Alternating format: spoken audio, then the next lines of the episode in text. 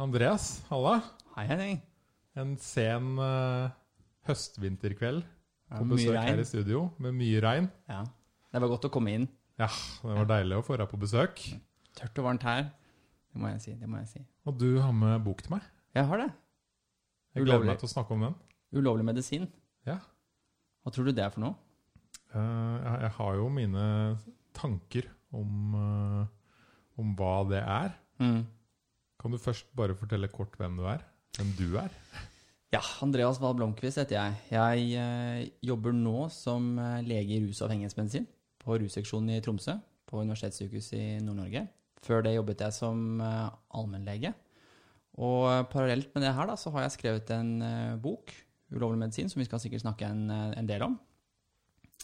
Jeg tok utdanningen min i Polen, og så til dels også i Aalborg. Turnustida på Sykehuset Østfold og i Råde kommune. Eh, kommer egentlig fra Asker, men bor altså i, eh, i Tromsø. Det var kjærligheten som dro meg til eh, Tromsø. Det var det. Ja. Ja, Så koselig. Ja. Og den boka her, 'Ulovlig medisin', den er akkurat kommet ut, har den ikke det?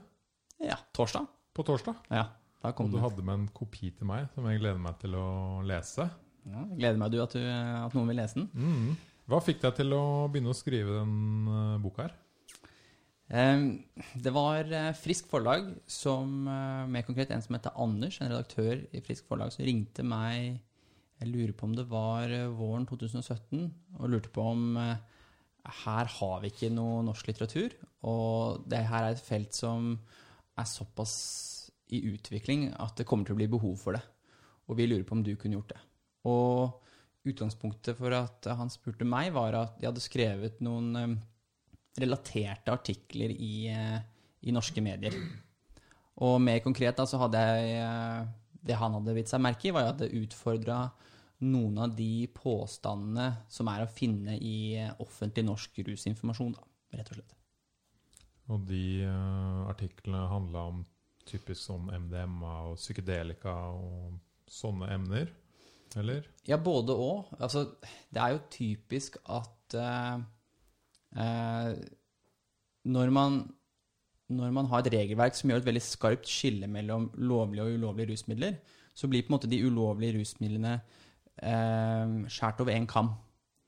Og mens eh, norsk rusinformasjon ofte har vært flinke til å formidle både ja, ganske nøkternt om alkohol og om skade, hvordan du kan bruke det minst mulig skadelig, så har de hatt en helt annen linje mot ulovlige rusmidler. Der har de vært veldig sånn at eh, dette her kan føre til, og så kommer det en lang liste med ting som det kan føre til, og derfor bør du ikke bruke det. Og det er jo en sånn er, altså, Intensjonen er jo god. Det er jo for at folk ikke skal skade seg eh, eller bryte loven. Eh, men i, i sin iver da, etter å skremme folk, så, så har de flere ganger gått litt for langt, mener jeg da. Og det, Så det betyr at de på en måte ikke har skrevet lik liste for alkohol, eller? Ja, ikke sant? Så, så de kan finne på å påstå ting om, om ulovlige rusmidler som overhodet ikke stemmer. Eh, alt liksom i navnet av eh, å hindre at folk skal bruke. Men som alkohol har de på en måte akseptert at ganske mange bruker det. Og da, da er de mye flinkere til å beskrive de mulige skadene, da. Mm. Ikke sant? Og da begynte du å tenke Ja, det blir kult å skrive bok om det her. Nei, ja, altså I begynnelsen så Jeg har alltid vært tiltrukket av temaer der hvor eh, kanskje samfunnet eh, har en oppfatning om noe som åpenbart er faglig feil. Og så er jeg litt sånn glad i å, å pirke borti det. det. Det er liksom Hvis det er en rød tråd gjennom alle de tingene jeg har liksom interessert meg for, så har det typisk vært det. Og da får du ofte den, sånn person, den, den rollen som provoserer folk litt. da. I hvert fall autoriteter. Og jeg har aldri vært en person som på en måte jeg, jeg, jeg deler ikke ut respekt til folk i kraft av deres titler, men om hvordan de fremtrer, og hvordan de behandler informasjon og andre, rett og slett. Ikke sant? Så utrolig bra. Det, det er en god egenskap. Jeg håper det. En viktig egenskap. Det har vært nyttig så langt. Ikke sant? Ja. Uh, men dette med det man kaller for rusmidler, da. Mhm. Det er jo et sånt type tema som har uh, veldig sterke meninger, mm. ikke sant, Mm. hos folk. Mm. Hvor mye feilinformasjon ser du der ute? Er det mye Mye. Eh, men, men det har blitt bedre. Ja. Hva er Altså- typisk på en måte feil du ser? Ja, så vi kan jo starte med den første Den første artikkelen jeg kritiserte, var en faktaartikkel om LSD i, på Folkehelseinstituttets nettsider. Der de påsto andre ting at, eh, at LSD kunne føre til avhengighet, eh, og at det kunne gi sånne flashbacks senere. Blant annet. Det var flere påstander. Men det var det jeg tok tak i, og det var de som var mest straight forward. ganske... Den ene er helt falsk, den andre er tvilsom. Um, og for å ta avhengighetspåstanden, da, at LSD kan føre til avhengighet, så påpekte jeg at man har jo dyrestudier på dette her, hvor man har forsøkt å gjøre dyr avhengig av eh, LSD. Ikke lyktes godt med det. De blir ikke avhengig sånn som eh, man lett kan få mus og rotter og også aper til å bli avhengig av eh, heroin, kokain og andre avhengighetsskapende rusmidler, da. Um, vi har også en del eh, epidemiologi omkring hvilke rusproblemer er det mennesker eh, vikler seg inn i, og det er eh, by and far aldri LSD-avhengighet. Eh, og snakker du med overleger som jobber eh, på rusfeltet, så vil du nok aldri høre om en pasient som tvangsmessig selvadministrerer LSD. Eh, det er jo ofte slik at eh, rusproblemer kommer sekundært til noe annet. Gjerne kanskje noe traumatiske opplevelser i barndommen, eller problemer med å regulere sin indre uro eller følelsesliv. Og mange rusmidler, sånn som f.eks. alkohol eller heroin eller benzodiazepiner, de nummer jo følelsene. Så de er naturligvis attraktive for dem, og så havner de inn i et, et, et, et avhengighetspreget bruk med de. Men LSD og eh, psilocybin og psykedeliske stoffer gjør jo på en måte litt det motsatte for dem. Det bringer jo frem det vanskelige og gjør at de må konfrontere eh, psykisk materiale de egentlig prøver å flykte fra. Så det er ganske åpenbart da at eh, jeg har jo hatt sant, heroinister som, som kommer inn til meg og, og skal inn på avrusning hvor jeg jobber, og så forteller de at det er farlig, eller LSD. Det holder jeg meg unna, liksom. Ja, Men injisere amfetamin og heroin, det gjør de. ikke sant? Ja. Og, og det er fordi at de, de opplever at de gangene de har vært borti, borti psykedelika, så har det vært uh, ubehagelig for dem. Og det forstår jeg. Altså Når jeg ser en sånn artikkel hvor, man, hvor det står at man blir avhengig av LSD, så veit jeg at forfatteren ikke har tatt LSD. For å si det sånn. ja, ja. Rent psykologisk gir det også mening, fordi det, en ting er at eh, de, eh, de systemene i hjernen som, som trigger avhengighet, de blir ikke stimulert av eh, LSD, men også rent psykologisk så forstår vi at opplevelsen er såpass mentalt krevende at det virker merkelig at du skulle bli avhengig av noe som er så mentalt krevende å, å, å gjennomgå. Så jeg påpekte dette her i Aftenposten. Jeg fikk et svar av Folkehelseinstituttet eh, sine forskere, eh, og det var veldig sånn, veldig sånn bakvendt logikk, hvor de sa at ja, jo, vi er enige med Andreas at avhengighet eh, har ikke blitt dokumentert, og det, det synes ikke å være avhengighetsskapende, men det betyr jo ikke at det ikke kan, forekomme i fremtiden.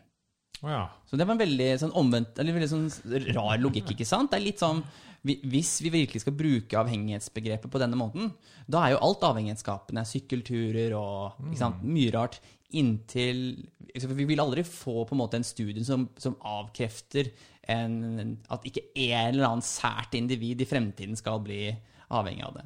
Så, så det på en måte egentlig bare for meg eksponerte hvor dårlig begrunna dette her egentlig var. Og i, eh, i, i liksom årenes løp, da, siden jeg kritiserte den artikkelen der, så har den blitt borte. Den har det, ja. Påstanden ble revidert, øh, artikkelen er historisk arkivert, og, og den øh, ansvaret for disse faktaartiklene da, det har blitt flytta over til helsenorge.no, og der ble den egentlig bare til slutt borte. Mm. og nå er det Oslo universitetssykehus som står for faktaartiklene, og de artiklene er mye bedre. Eh, og det gjelder ikke bare LSD, men det gjelder også f.eks. GHB og andre eh, rusmidler som er ulovlige. Og, og de, de ser ut som de har blitt flinkere på dette, eh, men, men det har lenge vært villedende. Absolutt. Også om cannabis, f.eks. ja. Definitivt. Og hva har det stått om cannabis, da? Ja, mye rart. Altså, det, det, det, her er det en sånn Fordi man, man gjør en større feil i å si f.eks. at øh, det ikke fører til noe skadelig, når det kanskje kan gjøre det. Da er det, det man, man, man, vil nok heller tendere mot å overdrive farene enn å underdrive farene, hvis du forstår meg. Så, så forskerne der har typisk vært litt for overivrige med å påstå årsakssammenhenger mellom f.eks. cannabis og psykose, eller cannabis og redusert kognitiv funksjon, når det egentlig forskningen er litt sånn for eh, Ikke gir grunnlag for å, å konkludere så hardt. Um, så senest der så har du den cannabisboka, som for så vidt er uh, Som nylig kom fra noen forskere ved, ved Folkehelseinstituttet er for så vidt en fin bok. Mye nyttig som står der. Betraktelig bedre enn de første faktaartiklene om cannabis innenfor uh, norsk rusopplysning, uh, eller rusinformasjon. Men det står fortsatt ting der som, som, jeg mener er galt, da, som jeg påpeker i boka mi. Mm. Så til boka. Hvilke hva, hva, er det du tar opp i denne boka di, Andreas? Ulovlig medisin. Jeg, jeg har alltid hatt lyst til å ha sånn én setning der jeg kan svare på det. Ja, det, er, det, er, veldig viktig, egentlig. Og, og mange, hvis du vil skrive i bokgang, så bør du egentlig kunne svare på det spørsmålet der med en gang. Og hvis jeg skulle forsøkt på det, så er det at jeg har lyst til å skrive om en gruppe stoffer som har et eh, medisinsk potensial, et svært lovende medisinsk potensial, men som har pga. sin tilknytning til rus blitt gjort uforholdsmessig lite tilgjengelig for forskere og pasienter som kunne trengt dem. Det er på en måte, Hvis jeg skulle gitt deg én setning om hva den boka handler om. Mm. Og boka tar et kapittel som prøver å gjøre folk vant med begreper som rus, rusmidler, legemidler, narkotika, og, og prøver å legge på en måte eh, terrenget klart for de neste kapitlene, som omhandler om hvert sitt stoff, som jeg mener eh, fortjener ekstra oppmerksomhet. Og så har, et, et, så har boka et oppsummerende kapittel til slutt. Så det er egentlig hva boka handler om. I korte trekk. Mm. Jeg ser jo her uh, nevner jo cannabis, psykedelika, ketamin, MDMA.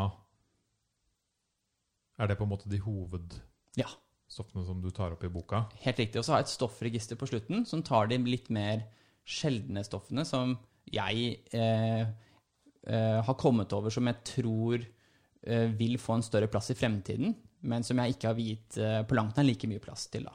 Og Hva er grunnen til at du valgte disse Fire? Det handler om eh, Tre?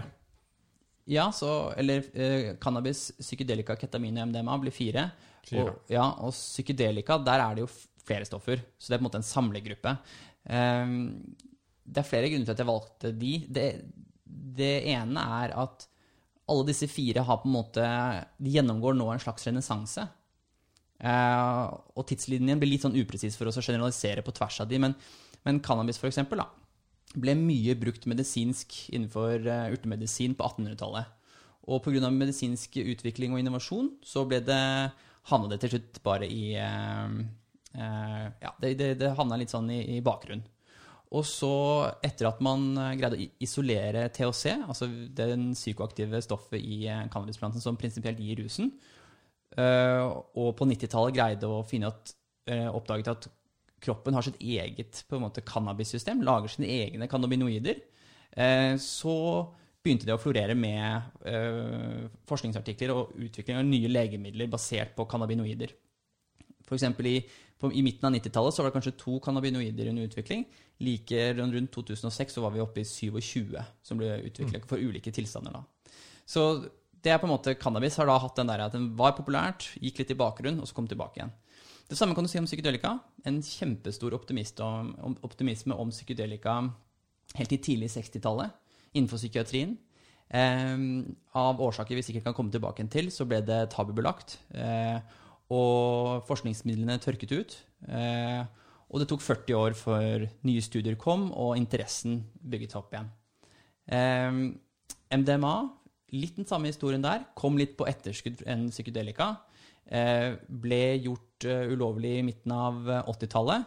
Eh, og har nå kommet i gang med forskningen. Og, og, er nå en av disse stoffene vi skal snakke om, kanskje nærmest en, en godkjennelse som legemiddel. Ketamin eh, har ikke den der 'har vært populært, og så forsvant, og så blir populært igjen'.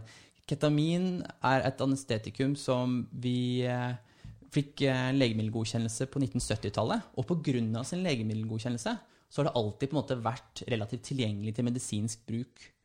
Eh, men det vi ser med ketamin som er veldig nytt, er at det siden år 2000 har blitt forsket på som et veldig effektivt antidepressiva. Og det som er så interessant med ketamin, er at det er såpass mye, mange forskningsstudier som har dokumentert denne hurtigvirkende antidepressive egenskapen til ketamin. Men likevel så har det ikke blitt tatt inn i det psykiatriske fagmiljøet. Men straks legemiddelindustrien fant ut at ok, vi har én måte vi kan tjene penger på ketamin, så tok det ikke mange årene. Og nå i dag så har vi en, en S-ketamin, en nesespray, da, som nå i år ble godkjent eh, til behandling av depresjon i, også i Norge. Ja. Det er ganske sykt å tenke på da, at legemiddelindustrien må liksom på banen og forstå at det her kan vi tjene penger på. Og da blir det satt fart på mer fart på sakene.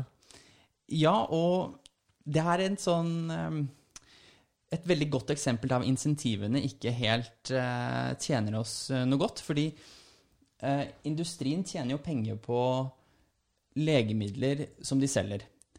Og de tjener ikke penger på å gjøre folk nødvendigvis friske. Så innenfor psykiatrien så har de alltid hatt et større insentiv for å produsere legemidler som du må stå på over tid. Altså i dette tilfellet eh, medikamenter som, som virker mer symptomlindrende, og som straks du fjerner dem, så får du symptomene tilbake igjen. Så det gjør deg avhengig. På en måte. Ja. Ja. Du må ha det. Hvis du ikke får det, så Yes. begynner du å slite igjen. Yes. Ben Sessa, en eh, kjent psykiater, kaller det for sånn maintenance therapy, sånn vedlikehold, sånn palliasjon omtrent. Du bare prøver å, å, å lindre et eller annet ubehag, og du er helt avhengig av å- å- denne lindringen. Hvis ikke så kommer det eh, kommer symptomene tilbake igjen, da. Og, og disse, i hvert fall når det gjelder psykedelika, ketamin og MDMA, er jo ment for bruk innad i et behandlingsforløp for å faktisk kurere lidelsen. Og når jeg mener kurere, så mener jeg det faktisk ganske så eksplisitt, nemlig du skal starte med en, en, eh, et, en psykisk lidelse. Du skal gjennomgå et behandlingsforløp, og når du er ferdig, så skal du ikke stå på dette lenger. Du skal ikke få dette legemiddelet eh, senere. Du skal være frisk, eh, eller i hvert fall betydelig bedre. Eh, og det er jo en veldig ny og innovativ måte å drive psykiatri på, som jeg mener eh, fagmiljøet bør bare være megaentusiastiske om. Men industrien er jo ikke like glad for det. De har ikke så stor insentiv for å drive med dette. Det er litt derfor de har vært, av disse stoffene vi skal ha snakket om nå, det er derfor de har vært mer interessert i cannabis. Fordi der snakker vi faktisk om en slags type medisin mot kroniske smerter, eller den slags, da. Men fagmiljøet, begynner de å våkne opp av? For Ja. eksempel i Norge.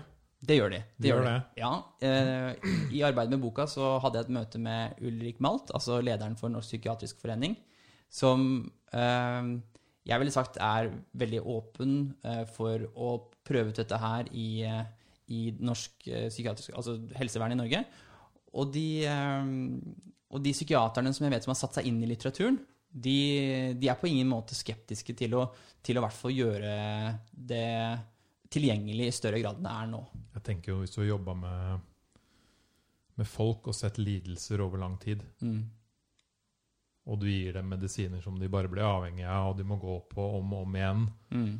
Og hvis de stopper, så sliter de mer, Mm. ikke sant? Mm. Jeg har hatt uh, flere deprimerte venner Mm. som har gått på antidepressiva, og de har sagt det blir som å Det blir som en rett strek i hjernen min. Altså, jeg føler ingenting, jeg gjør ingenting, Mm. og det er ikke noe vits å leve, liksom.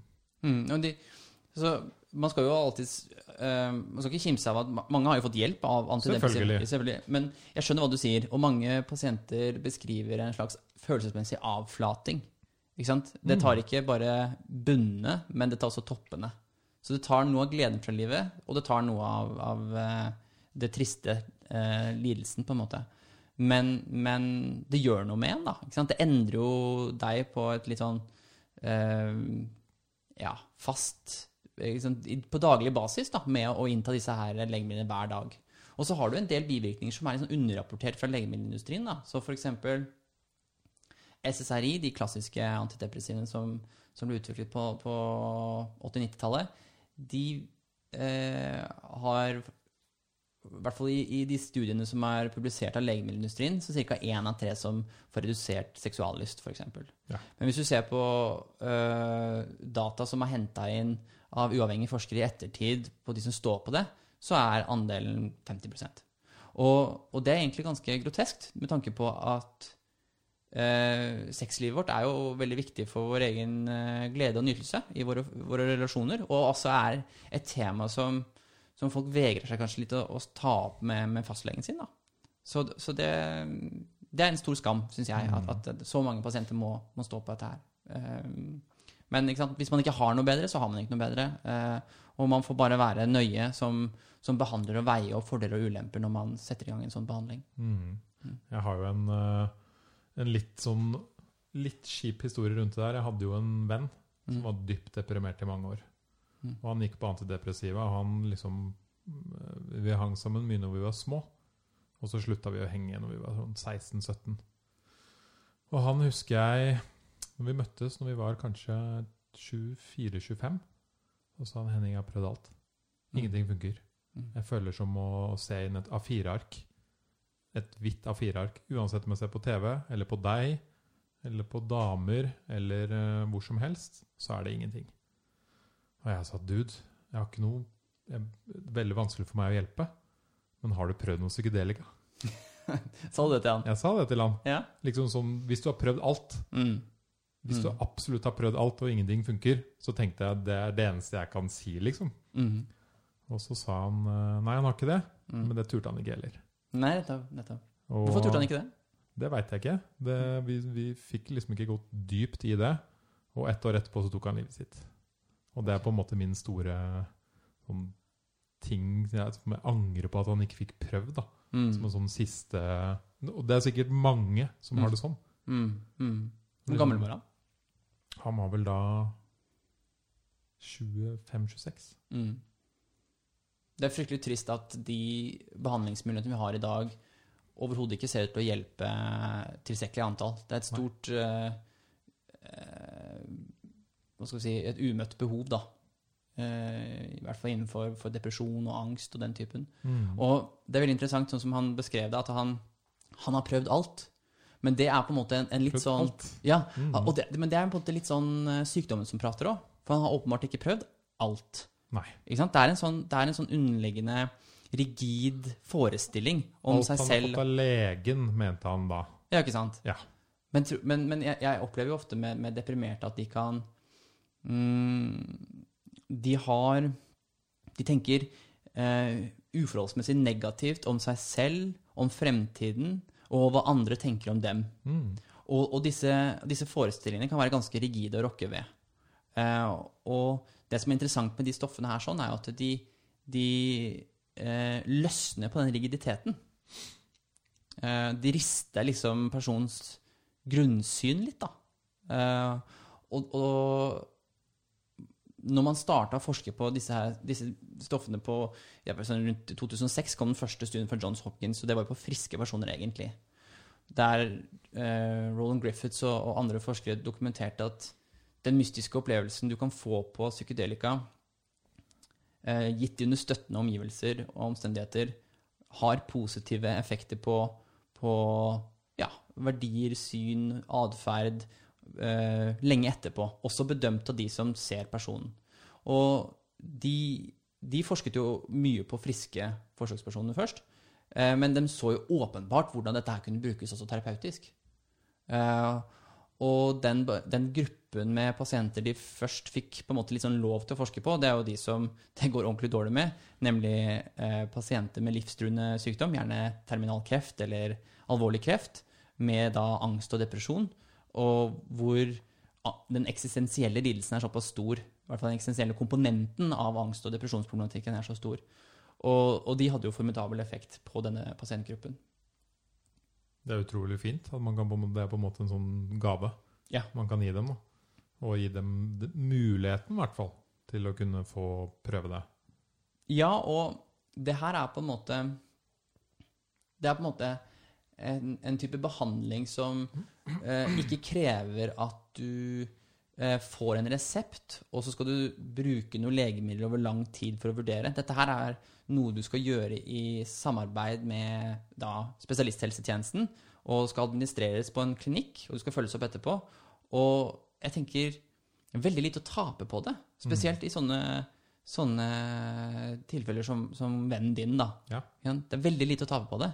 Ehm, og eh, altså, det er jo ikke, Vi snakker ikke om lobotomi eller noen, noen midler som kommer til å gi deg noe permanent skade på noen som helst vis. Egentlig.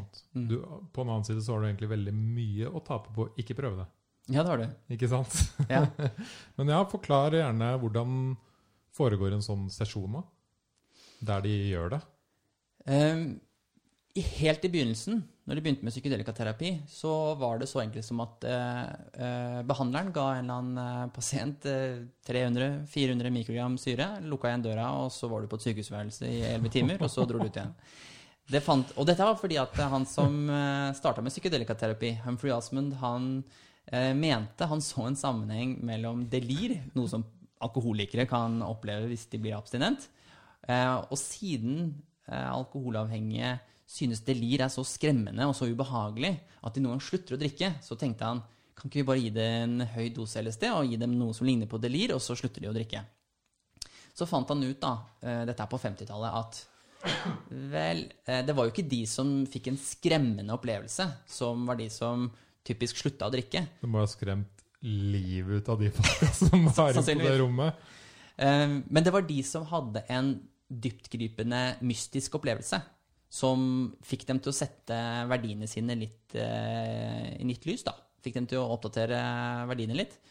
Eh, og det førte til varig bedring eh, for de alkoholavhengige. Og det var en godkjent standardbehandling i Canada i en periode. Og så hadde du en kritisk forskningsgruppe som ville teste ut om dette faktisk kunne være så bra. Så de gjorde jo eh, De ga eh, LSD til alkoholavhengige, men mer eller mindre spente de fast og ga dem bare standardiserte spørreskjemaer eh, og gjorde alltid veldig sånne sterile omstendigheter. Fikk overhodet ikke like gode resultater som Humphrey Osmond, og mente da å vise at LSD ikke hadde gode effekter på alkoholavhengighet. Sannheten er jo at eh, den gunstige effekten av disse stoffene ligger jo ikke i nødvendigvis bare i stoffets virkning. Det ligger i en synergi mellom stoffet og omstendighetene og omgivelsene. Det Sett og setting, da. Sett og setting, ja. Nettopp. Som, som Timothy Leary så fint ga oss. Um, og derfor, i nyere tid, så har man mye vekt på hvordan man skal gjøre dette her. Og derfor pleier man å ha typisk fire eh, terapiseanser hvor du eh, blir kjent og bygger tillit og allianse med de terapeutene som skal sitte med deg når du skal få denne opplevelsen. På selve behandlingsdagen så blir dette gjort gjerne i et sånn stuelignende værelse. Kanskje du tar med noe av personlig betydning og symbolikk for deg. Eh, Du blir typisk eh, bedt om å ligge på en sofa med eh, bind for øynene hvis du ønsker det, sånn eye shades og noe musikk som de velger for deg. Noen kan du også velge selv. Og så, og så gjennomgår du denne opplevelsen, og hvis du opplever noe vanskelig underveis, så kan du selvfølgelig interagere med disse terapeutene, men de blir stort sett bedt om å eh, la deg være. Og hvis det skulle dukke opp noe vanskelig, så vil du både på forhånd og underveis bli bedt om å prøve å være åpen for det, akseptere det som kommer opp i sin fulleste betydning av ordet. Virkelig akseptere det som skjer. Ehm, etter du har gjennomgått det, så har du gjerne tre-fire seanser hvor du snakker om hva som har skjedd, prøver å integrere dette her, de innsiktene du har fått i ditt hverdagslige liv. Eh, og, og det er litt sånn tolkning av hva som har skjedd, fordi noen opplever kanskje å konfrontere liksom, symbolske former av sin angst eller sin depresjon. da. Eh, Så, så det er sånne grove trekk hvordan, hvordan et sånt psykoterapeutisk forløp eh, ser ut. Og det kalles i dag da psykedelika-assistert psykoterapi. Ja. Nettopp fordi du Det her er en slags pakke, pakkeløsning. Det er ikke enten psykofarmakologi, altså legemidler som du bare tar, ellers ikke prater med noen. Og det er heller ikke samtaleterapi hvor du går og prater med en eller annen eh, terapeut som, som bruker ulike samtaleterapeutiske teknikker for at du skal kunne hjelpe deg selv. Det er en blanding av de to. Ja. Men det som er spennende med det, er jo at du egentlig ligger der og jobber med deg selv. Da. Ja. Og det er litt sånn som at eh, kroppen vet selv hva den skal gjøre for at du skal bli bra. Eh, det er bare det at eh, forsvarsmekanismene som du har bygget over så lang tid, er så rigide og så stramme at de eh, sitter fast i et spor, på en måte. Det er veldig, veldig enk Altså, jeg er ikke en psykiater, og, og er overhodet ikke en ekspert på fenomenologien i dette her, men det, det, det er sånn jeg forstår det. At, at eh, disse eh, stoffene virker ved å, å, å endre på slike rigide eh, forestillinger og skape en mental fleksibilitet som tillater deg å jobbe med deg selv på en ny måte. Det er litt sånn som å, å eh, David Nichols, en av eh, de fremste ekspertene på kjemien til disse stoffene, sammenligner det litt med å starte om en datamaskin som, som ikke fungerer så godt lenger, ikke går så glatt, Mm. og starte den på nytt igjen, rett og slett.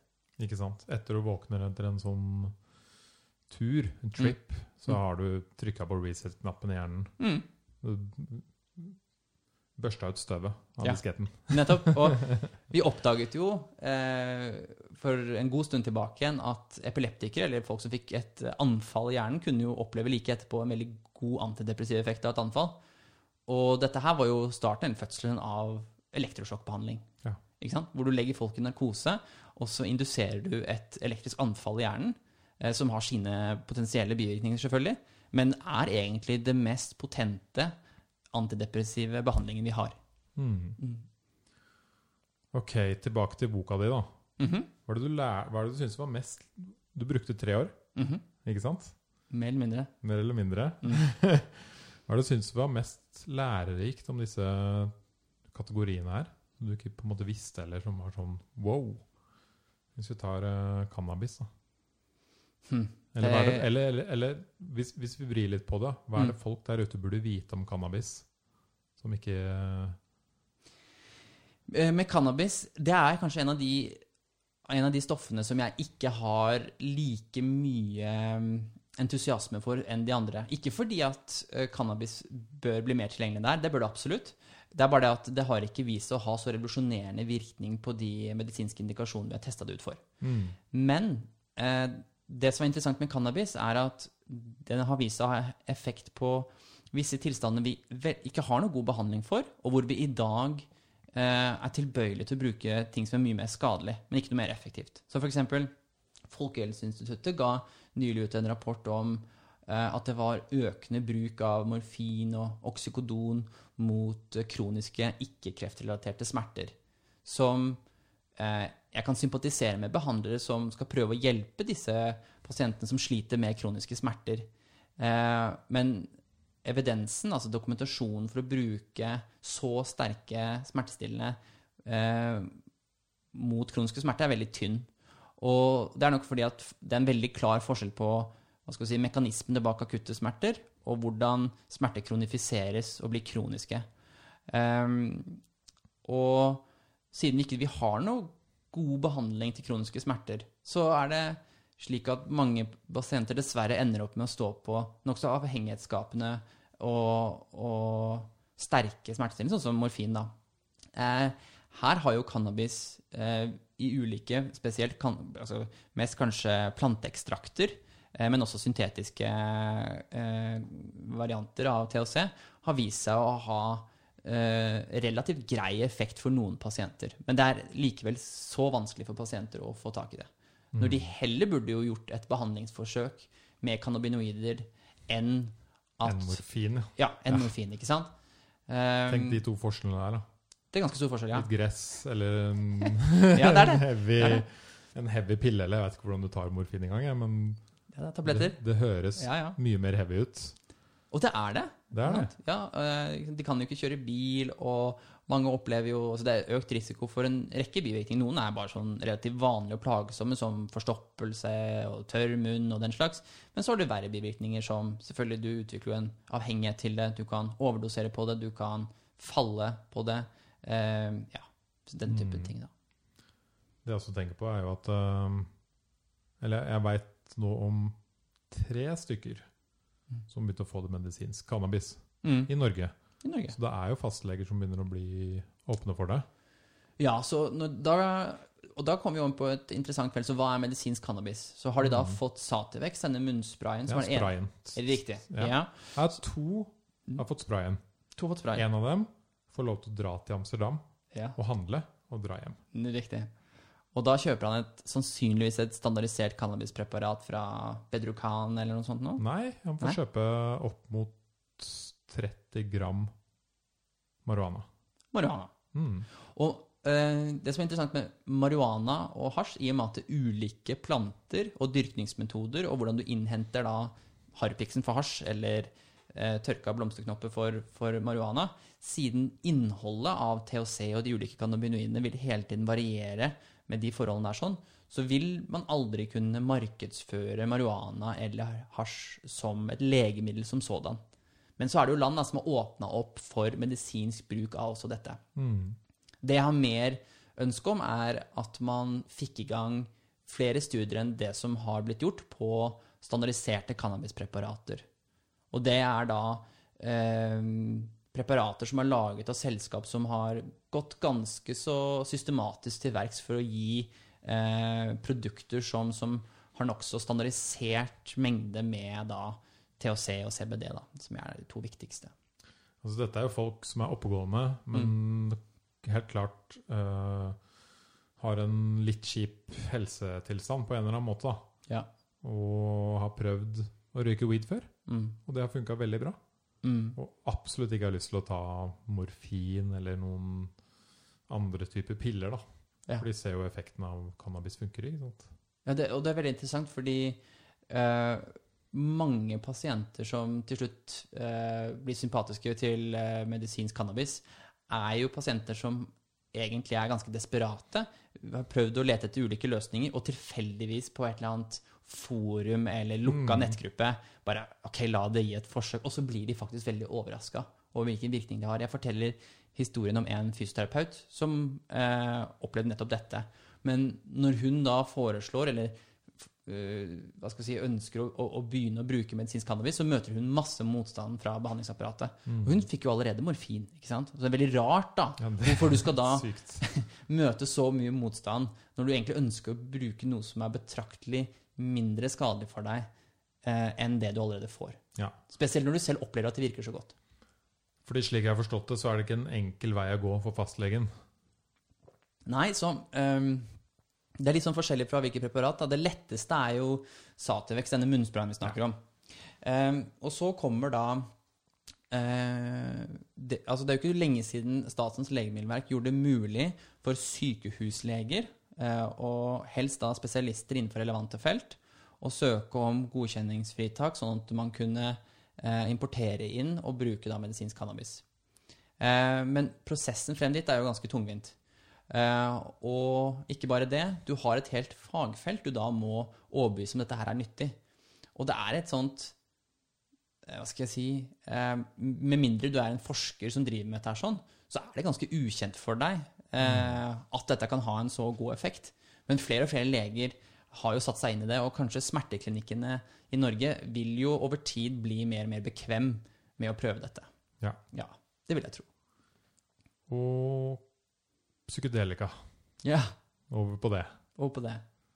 Sopp og LSD. Ja. Har du lært om det?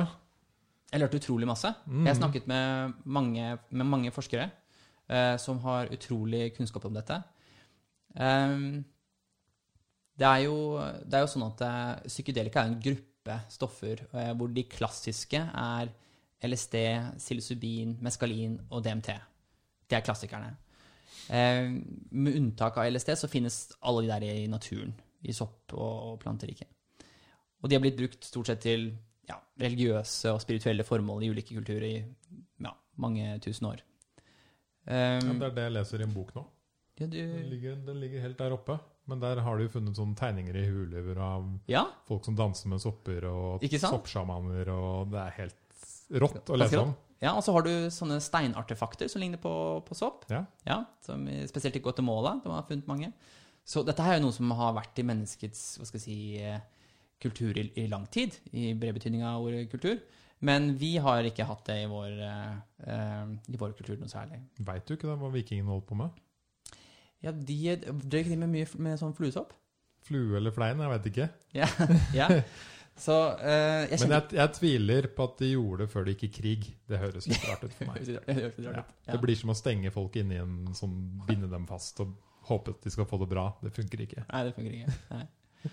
Ehm, det som var slående Det jeg lærte Det som var kanskje overraskende for meg der, var um, hvor eh, Hvordan insentivene er lagt opp på en sånn måte at eh, de stoffene som er regulert som narkotiske stoffer eh, Uansett hvor godt potensial de har, så krever det enorm innsats fra ideelle forskningsgrupper og masse filantropi og donasjon av penger for at du skal håpe på å få det inn i helsetjenesten. Det var kanskje den største liksom sånn, wow, eller det, var, kjempe, det var kjempesynd at det skal være sånn. At vi har, et, har rigga opp et, et system omkring legemiddelutvikling som er sånn. Men, men det, det, er, det er nå bare sånn. Og vi skal være veldig glad for at vi har ildsjeler på dette feltet, og prestisjefylte universiteter som nå tar dette her inn, i, inn til sine institutter og, og, og lager forskningsgrupper dedikert for å utvikle psykedelika og, og lære, altså øke kunnskapsnivået vårt om dem, da, rett og slett. Det skjer vel mest rundt det her i USA, gjør det ikke det? Eller? Ja, det vil jeg si. De med Maps, eksempel, de går langs, ganske langt foran. MAPS er jo kanskje mer kjent for sin, eh, for sin forskning på MDMA. Ja. Eh, når det kommer til eh, psilocybin, utover sånn John Hopkins og sånn, så har du jo Campus, som er bak den multisenterstudien som da skal rekruttere veldig mange pasienter med behandlingsresistent depresjon og søke å få dette her godkjent som psilocybin er dette tilfellet, altså virkestoffet eller det psykedeliske stoffet i eh, Cuba fleinsopp og spiss fleinsopp. Eh, så det er de som på en måte dytter fram den utviklingen der, da. Mm, Mm. kult. Og så er det ketamin. Ja. Heste... Tror du en gang det var en kar som bare Han skulle gi til hesten, Mm. og så sa han nei, jeg prøver det sjæl. Prøver selv.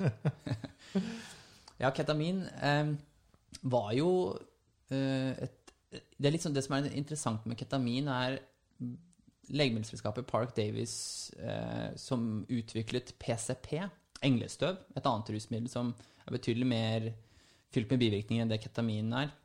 De utviklet jo det som et eh, anestetikum som kunne muliggjøre operasjoner på kritisk syke folk uten at du måtte ha de eh, ulempene knytta til vanlige anestesimidler, som er at pasienten ikke puster selv, og at eh, blodtrykk og puls blir gjerne påvirka. de utviklet PCP, de fikk det godkjent. De begynte å bruke det. Bivirkningene så ut til å være verre enn de antok. Folk fikk eh, hallusinasjoner og havna i ekstreme forvirringstilstander og utagerte etter at de har blitt operert. Og ja, det var eh, ikke holdbart på sikt. Og da begynte de å lete etter alternativer, og da fant de eh, ketamin. Jeg mener det ble syntetisert først i 62, og så ble det godkjent i 1970. Mm. Um, og det, det ble jo fort da eh, et anestetikum som ble veldig populært. Det ble jo, du kunne jo bruke det eh, for eksempel på frontlinjen i kriger, eh, fordi du trengte ikke da en, eh, en respirator for å holde pusten i gang, f.eks. Eh, det ble også mye brukt da i utviklingsland, veldig mye brukt innenfor veterinærmedisin, eh, fordi det sparer kostnadene og all den teknologien nødvendig for å ha en organisme i en, en narkosetilstand, da, rett og slett. Um, og ketamin tok aldri helt av som et rusmiddel, um, men ble brukt i noen nisjemiljøer. Og uh, det er annet skrevet et par bøker av noen uh, psykonauter som var i overkanten glad i ketamin, vil jeg si. De, de ble litt sånn oppslukt i å beskrive liksom, den indre opplevelsen på et dissosiativt stoff, som ketamin er, da. Um, og det ble eh, gjort I nyere tid så har det blitt gjort en del push for å prøve å få ketamin inn på narkotikalisten. Men fordi ketamin er så unnværlig i sin andre rolle som et smertestillende og som et anestesimiddel, så har Verdens helseorganisasjon alltid stritta, imot. Sånn at eh, FNs narkotikakommisjon har ikke kunnet plassert det på eh, sin narkotikaliste, og dermed gjort det forbudt. Eh, og begrensa den medisinske bruken betraktelig. Mm. Og den siste runden med dette her, sånn, når de prøvde på det sist, så, så gikk de egentlig eh, De overgikk hva Verdens helseorganisasjon foreslo, og likevel hadde en avstemning om man skulle forby det og putte det på narkotikalista. Eh, og det ble ikke gjennomført, heldigvis. Det ble ikke stemt for at man skulle gjøre det uh, ulovlig. Det Um, var noen som hadde prøvd det i salen, vet du. Sannsynligvis. Uh, hvordan eh, ketamin vandra inn i, i psykiatrien, det ble liksom et par sånne si, brødsmuler av enkelthistorier og litt sånn farmakologi og ting som pekte mot at det kanskje kunne ha en nytteverdi der. Eh, det var bl.a. En, eh, en studie i Iran hvor en anestesilege ga ketamin til ca. 100 innelagte pasienter, og så var det en psykiater som beskrev ganske så formidable eh, psykoterapeutiske effekter, da, som han beskrev i sånne psykoanalytiske begreper. Eh, men det var vel først en eh, Dennis Charney og en som heter Crystals, som eh, lagde, gjorde en, den første randomiserte kliniske studien på deprimerte pasienter og fant at de responderte, som betyr her at de får sin depresjonsgrad minst halvert, innen få timer. Dette var i år 2000 det ble publisert. Det tok ganske lang tid før forskningen tok seg opp, og mange forskningsgrupper ble interessert. Men eh, i mellomtiden der sånn, så var det mange, mange hint. da. Det var bl.a. En, en kasustikk av en pasient som var alvorlig deprimert, hadde prøvd mange ulike legemidler uten effekt, eh, responderte ikke på samtaleterapi. Hun til slutt var i så dårlig forfatning at hun kunne ikke, kunne ikke ta vare på sin egen ja, basale hygiene og ernæring og den, den ting. Hun uh, hadde tidligere hatt effekt av sånn elektrosjokkbehandling som vi snakket om, uh, men hadde en del sånn hukommelsesbivirkninger knytta til det. Psykiateren hadde lest at ketamin kanskje kunne beskytte mot ja. de skadevirkningene fra elektrosjokkbehandling. Så han ga det i forbindelse med elektrosjokkbehandlingen når hun skulle få det. da. Det som er interessant, er at det var noe gærent med apparatet, så det ble ikke registrert noe elektrisk anfall i hjernen til pasienten. Så vi tenkte ja, det var jo synd. Men pasienten våkner og har det mye bedre. Mm. Ok, det var rart. Etter, så går det en dag, og så skal du ha en ny elektrosjokkbehandling. For det er vanlig å gi dette her i serier. Eh, så skjedde det samme igjen. Eh, apparatet virka ikke, det ble ikke noe anfall. Pasienten fortsatte å bli bedre. Ketamin funka. Ketamin funka, Det er det som fant ut. ikke sant? Så fra verst tenkelig eh, på én og best tenkelig på ti, så gikk hun fra sånn skala fra to til syv, er det denne kasustikken eh, beskriver, da. Og det Når sånne pasienthistorier og et par andre mindre observasjonsstudier dokumenterte, eller i hvert fall belyste, at ketamin kan ha en, en kjempegunstig effekt her, så begynte de gode randomiserte kliniske studiene å, å, å komme. Ja. Mm. Hvor er man med MDMA?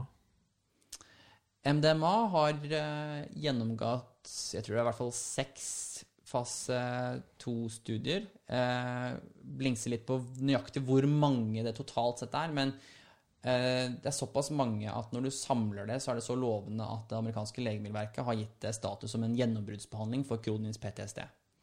Og MAPS, en veldig velsmurt organisasjon som er i spydspissen for den forskningen her og organiserer det meste, de har fokusert veldig på én indikasjon, i dette tilfellet kronisk PTSD, posttraumatisk stresslidelse. Traumatiserte krigsveteraner og ja, eh, first responders. Eh, og de ønsker å få den godkjent eh, til den indikasjonen så fort som mulig. De er i gang med studier nå som, dersom det går som alt ser ut til, vil MDMA være et legemiddel som er godkjent for, for PTSD kanskje i 2021. Ja. Det er ganske utrolig. Mm. Ja. Um, jeg vil si at um, jeg har alltid tenkt at det å skrive om disse uh, stoffene fra sånn forskningsstandpunkt og, og, og, være en sånn historiefortelling, ja. eller, er uh, noe som kan gi folk lyst til å liksom Og jeg har så mange problemer, så jeg skal fikse det ved å eksperimentere med disse stoffene. Det er noe jeg liksom litt vil advare mot også. Mm. Fordi mye av den nytteverdien i disse stoffene som eh, i hvert fall psykedelika, MDMA og, og, ketamin, kanskje litt mindre ketamin, ligger jo i nettopp hele pakkeløsningen. Eh, nemlig at du gjør det under støttende omgivelser med terapeuter som vet hva de snakker om, og som kjenner deg.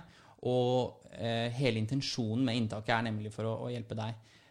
Siden disse så på, eller disse rustilstandene eller rusopplevelsene er så lett påvirkelige for sånne faktorer, så er det nærmere ikke sikkert at uh, man bare burde gå og prøve det hvis man har masse problemer. Det kan gå ganske galt. Man, altså disse resultatene som, er, som riktignok er veldig lovende, har jo blitt funnet i studier som har vært veldig selektive med hvem som, uh, med hvem som kommer inn uh, og får det. Mm. De ekskluderer jo ikke bare ikke sant, pasienter med ustabil hjerte-karsykdom eller som selv har en historikk med psykose. Det ekskluderer også personer som i familien sin eller søsken med psykose. Ikke sant? Fordi Mm. man har sett at for noen eh, så kan det virke destabiliserende på psyken, og kan trigge kanskje en lengre psykosereaksjon. Veldig veldig sjeldent, ikke noe man har sett i de nyere studiene. Men det kan være jo nettopp fordi man er ganske selektiv med en som får det. da. Ja. Mhm. Ja, for det er jo stoffer man skal ha stor respekt for. Definitivt. Mm. Og det er eh, det som er også Nå er det jo ganske forskjell da, på Ja. for f.eks. å røyke en joint og spise LSD. Ja, det er ganske stor forskjell. Ja. Ja, ja. Eh, og og det, er veldig, det er veldig mye lettere å justere med eh, cannabisen. eh, mens med LSD er det litt sånn all or nothing. Eh, om ikke du tar mikrodose, mikrodoseringer, så vet du at eh, tar du en tilstrekkelig stor dose, så ja, uansett hvem du er, så vil det skje noe. Og dette noe vil være ganske så krevende, og det vil vare ganske mange timer. Mm. Eh, Du må jobbe så- med deg sjæl, Ja, det må du. ikke sant. Og ikke sant, det, det er jo eh, De som først kommer over disse stoffene i eh, omstendigheter de F.eks. De, er på- de er på en vanlig alkoholfest, f.eks. Det dummeste stedet du kan finne på spontant å skulle ta LSD. Eh, da kan du få en ganske stygg opplevelse. Eh, som Altså, jeg har aldri sett at det har vært dokumentert at folk på en måte har PTSD etter noe sånt, men, men det kan være ordentlig eh, ordentlig vondt å, å ha panikkanfall, og det kan være ordentlig eh, krevende å prosessere det i ettertid. Eh, ja, så det, Ja. det skal man være forsiktig med. Det er dette med sett og setting, da, som folk kan google hvis de ikke vet hva det betyr. Ja. Men hvem er den boka egentlig skrevet for? da? Er det sånn du gir til eh, mor og far i julegave, eller eh, er det sånn for å overbevise staten om å gjøre dette lovlig, eller? Den er skrevet for allmennheten. ja. Eh, den, eh, den, er, den har et språk som jeg håper er tilgjengelig for de fleste. Det finnes jo ingen bøker som Det finnes veldig mange bøker som har skrevet mye fælt om disse stoffene. Dette er den første boken som utforsker dets fordeler, og at det kan være noe potensial for disse stoffene medisinsk.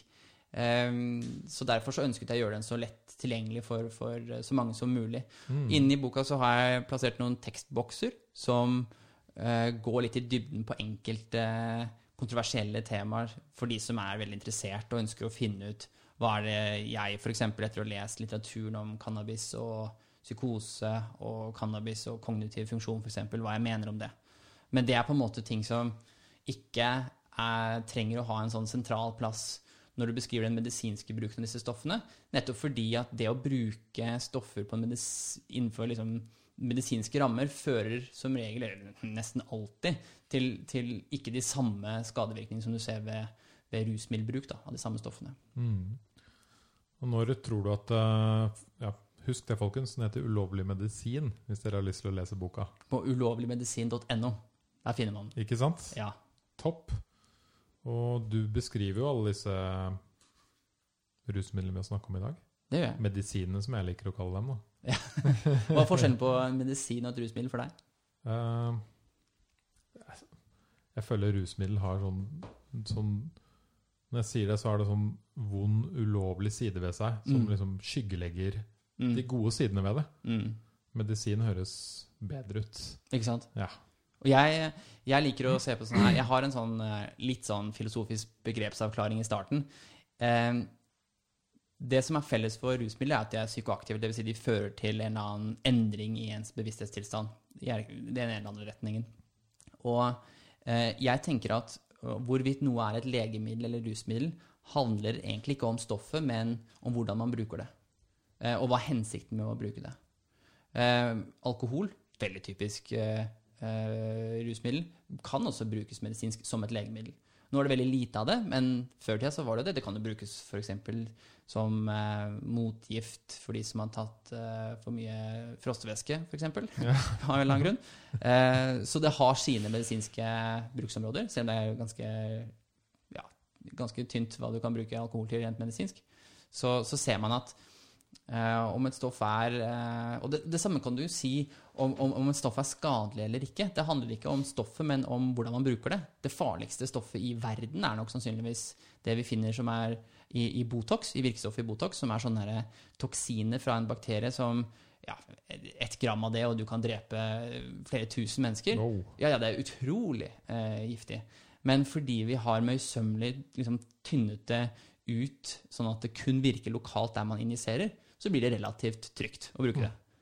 Um, så det er et godt eksempel på et stoff som, som åpenbart er giftig, og som kan uh, i tilstrekkelig dose ta livet av hvem som helst, men, men brukt medisinsk relativt trygt, da.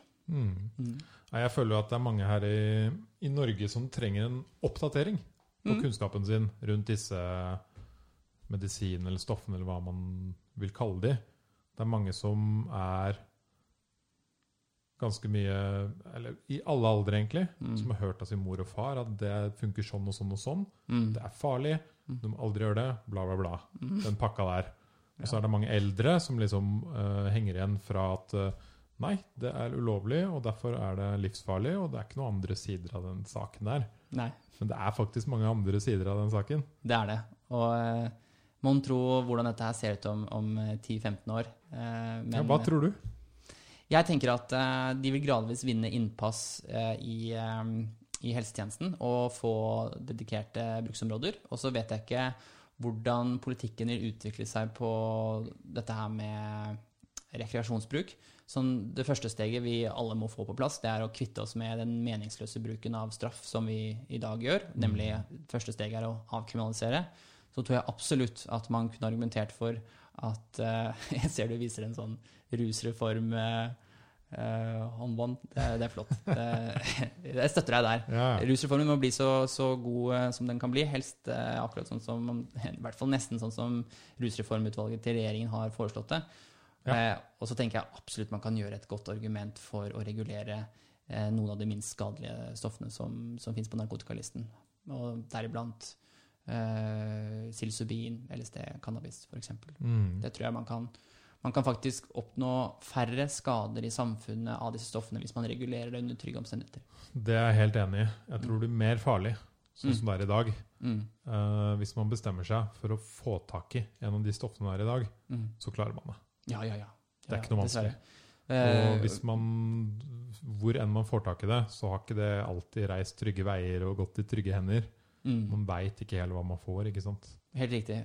Og hvis det var slik at de som starta krigen mot narkotika og har kjempetruen på dette her at vi kan få et narkotikafritt samfunn, hvis de hadde rett, hvis det faktisk var sånn at hvis vi bare dytta nok penger i eh, det rettslige apparatet, så kunne vi få bruken til å bli null. Så hadde jeg kanskje til og med støtta dem, og så hadde det kun vært til medisinsk tilgjengelig. Men det er en utopi. Ja, det er en Det kommer aldri til å skje. Eh, og eh, jeg tror på mange måter at hvis du hadde kommet i, i, i en sånn situasjon hvor du har et samfunn som er fullstendig narkotikafritt, så blir det liksom litt sånn Når man ser til vår historie og ser til litt sånn dypere hva er meningen med tilværelsen, er ikke det å skape opplevelser? Ok, så har vi dette her eh, alkohol da, som for så vidt berik, er berikende for de fleste. Og så skal vi da liksom holde alt det andre da, unna, bare fordi at ja, vi tilfeldigvis fant oss sånn historisk at alkohol var det vi, vi si, hadde som utgangspunkt. Det, det syns jeg virker eh, ja, virker uforsvarlig, rett og slett. Mm. Og jo mer du på en måte lærer og leser om det her, så Det faller helt bort fra liksom hva som er logisk. Liksom, Mm. Du kan godt ta masse antidepressiva og drikke deg kjempefull, Mm. men å sitte hjemme og røyke en joint, det, Det er skumle saker. det er skumle saker. Ja. Da finner du på gærne ting. Ja, også, og, og så må man huske på at eh, når vi har en, eh, en myndighet, eller at staten skal gå inn og bestemme hva folk gjør med sin egen bevissthet og sin egen helse, eh, så syns jeg man skal ha ganske gode argumenter og dokumentasjon for å bruke straff som, for handlinger som i utgangspunktet bare påvirker brukeren Mm. sjøl. Eh, hvis du ikke har lyst til å utsette deg for, for cannabis, så er det første du skal gjøre, er å ikke røyke cannabis sjøl. Ja. Og det er du den fulle rett til å gjøre. Det er ingen som prøver å tvinge deg til å røyke cannabis. Men at folk skal tvinge andre til å ikke prøve ut tryggere rusmidler enn alkohol, det synes jeg er litt absurd. Mm. Da er vi ganske enige. Det er vi ganske enige. Ja. Nei, men helt superkult å ha deg innom, Andreas. Jeg veit du skal, straks skal rekke et fly. Ja, Du løp innom her, ga meg en bok. yes, det gjorde jeg. Tid til å prate litt. Det var veldig Eh, jeg Anbefaler alle å gå på ulovligmedisin.no. Da finner man eh, lenken til å bestille den. Ikke sant? Da blir jeg veldig glad. Og sjekk ut boka. Og spre budskapet. Ja, det er veldig bra jobba. Vi trenger uh, mer folk som deg, som sprer riktig informasjon Mm. om det her. om disse temaene. Det er hyggelig å høre. Så jeg gleder meg til å lese den. Kanskje jeg skal invitere deg tilbake når jeg har lest den. Ja, så får vi en, eh, en sequel. Ja, det kan vi gjøre. Ja, det blir jeg glad for. Dritkult. Ja. Og så får du ha lykke til videre på denne reisen med boka og presentasjoner og jobben din de kommende månedene. Tusen takk. tusen takk. Det var veldig flott å være her, Henning. Mm, ok. Ha det. Takk.